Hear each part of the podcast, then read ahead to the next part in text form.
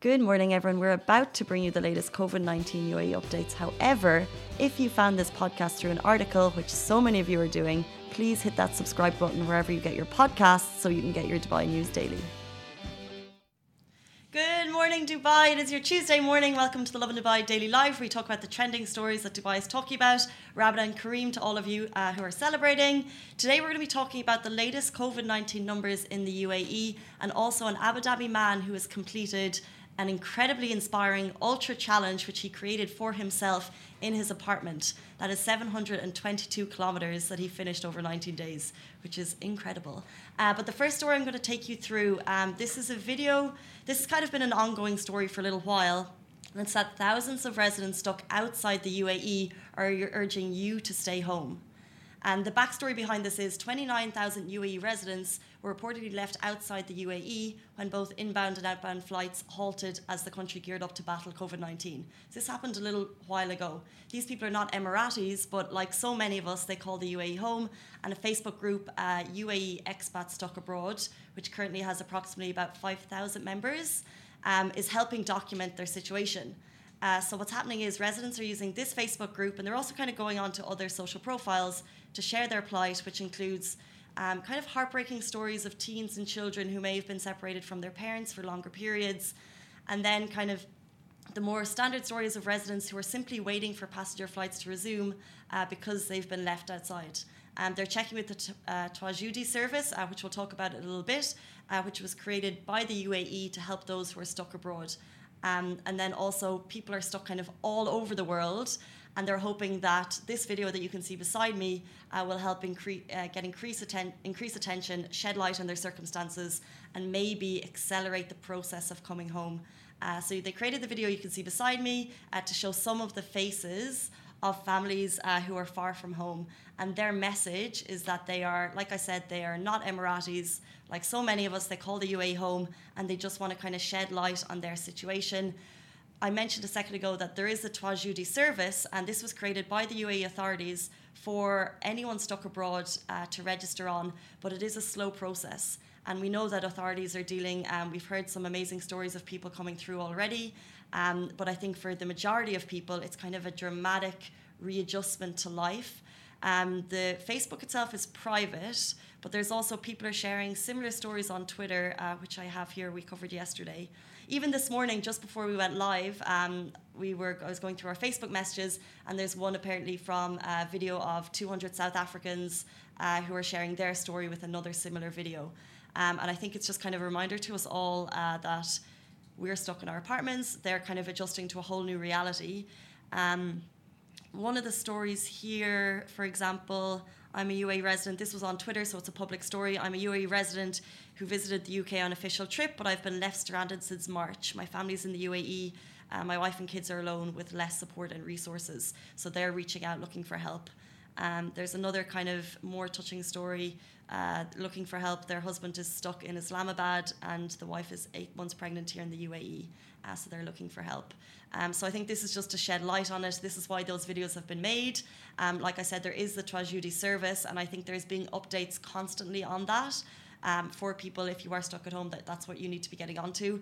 And we do know that authorities are working tirelessly. Um, of course, this is unprecedented what we're living through right now, but that they are dealing with emergency situations first. And we'll move on to our next story. A UAE resident completed a 722 kilometre COVID 19 ultra challenge in his apartment. Uh, this is Ultraman Romeo. Uh, he is a frontline worker, if you can believe it, in Abu Dhabi. I don't know how he gets the time. And he's an athlete, who, an athlete who races for a purpose. So from April 5th until April 24th, he completed his own COVID 19 19 by 19 project, uh, where in total he racked up 722 kilometres in his apartment. Uh, so each day he raced 19 kilometres on his treadmill, 19 kilometres on his bike, and he managed to balance his work as an emergency medical technician in an ambulance section for the Emergency and Public Safety Department, along with his other commitments, family, ministry, and so on. Um, he said it wasn't easy, but he does it to inspire people to stay healthy during lockdown. And he also managed to raise 3,500 surgical masks and shields through donations. Uh, these are just donations, by the way, that came through friends and family um, and those kind of shields, masks, and also I think 3,000 dirham that are going through, uh, going directly to labor work, labor employees and frontline workers, um, which is incredible. This is 45 hours he did in his apartment over 90 days, balancing work. And like he said, he does it as an inspiration. Um, he is an ath- he's a, he's an ultra athlete anyway, um, so he's used to this type these types of distances. But he also said that he wants to remind people you can work and work out in your home. Are you guys working out at home? Are you, Chai? Good morning, Chai. You're looking intently. I mean, th- this is. Like, are you laughing? No, no. I, I, Have you done? Uh, you mentioned your mom is doing yoga, right? yoga and Zumba. And Zumba in her apartment Yeah, with Zoom calls. with Zoom calls, like a class or a. Class.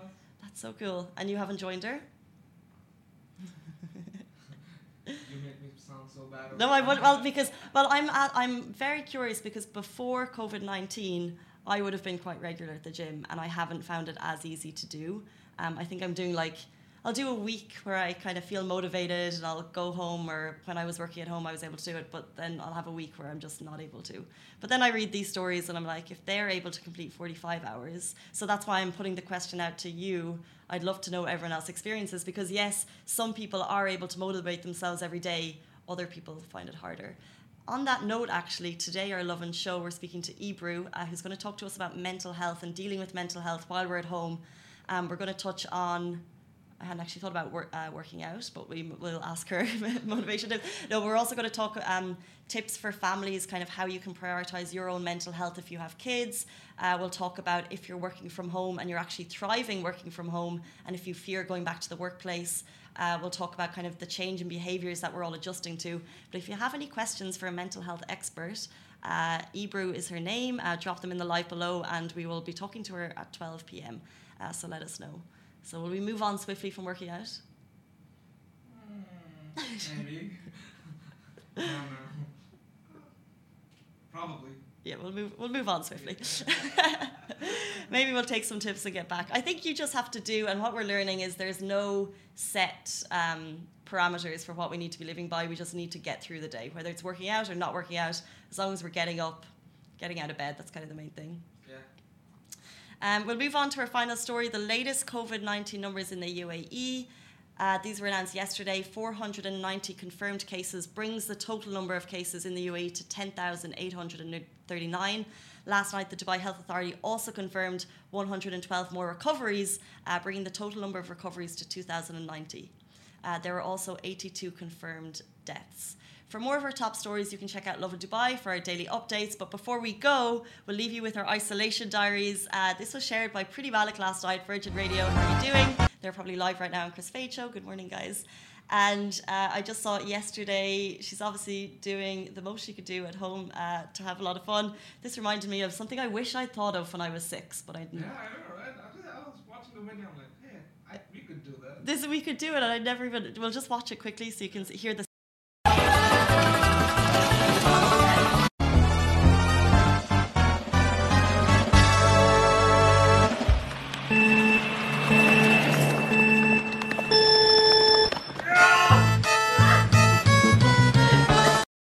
Kid again. B, I don't know why I didn't think of doing this when I was younger, but races on the floor.